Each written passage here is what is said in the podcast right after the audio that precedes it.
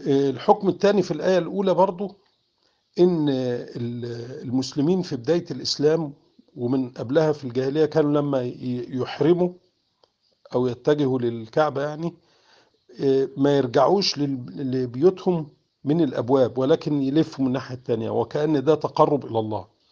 فالآية الآية اللي معانا بتقول ليس البر بأن تأتوا البيوت من ظهورها.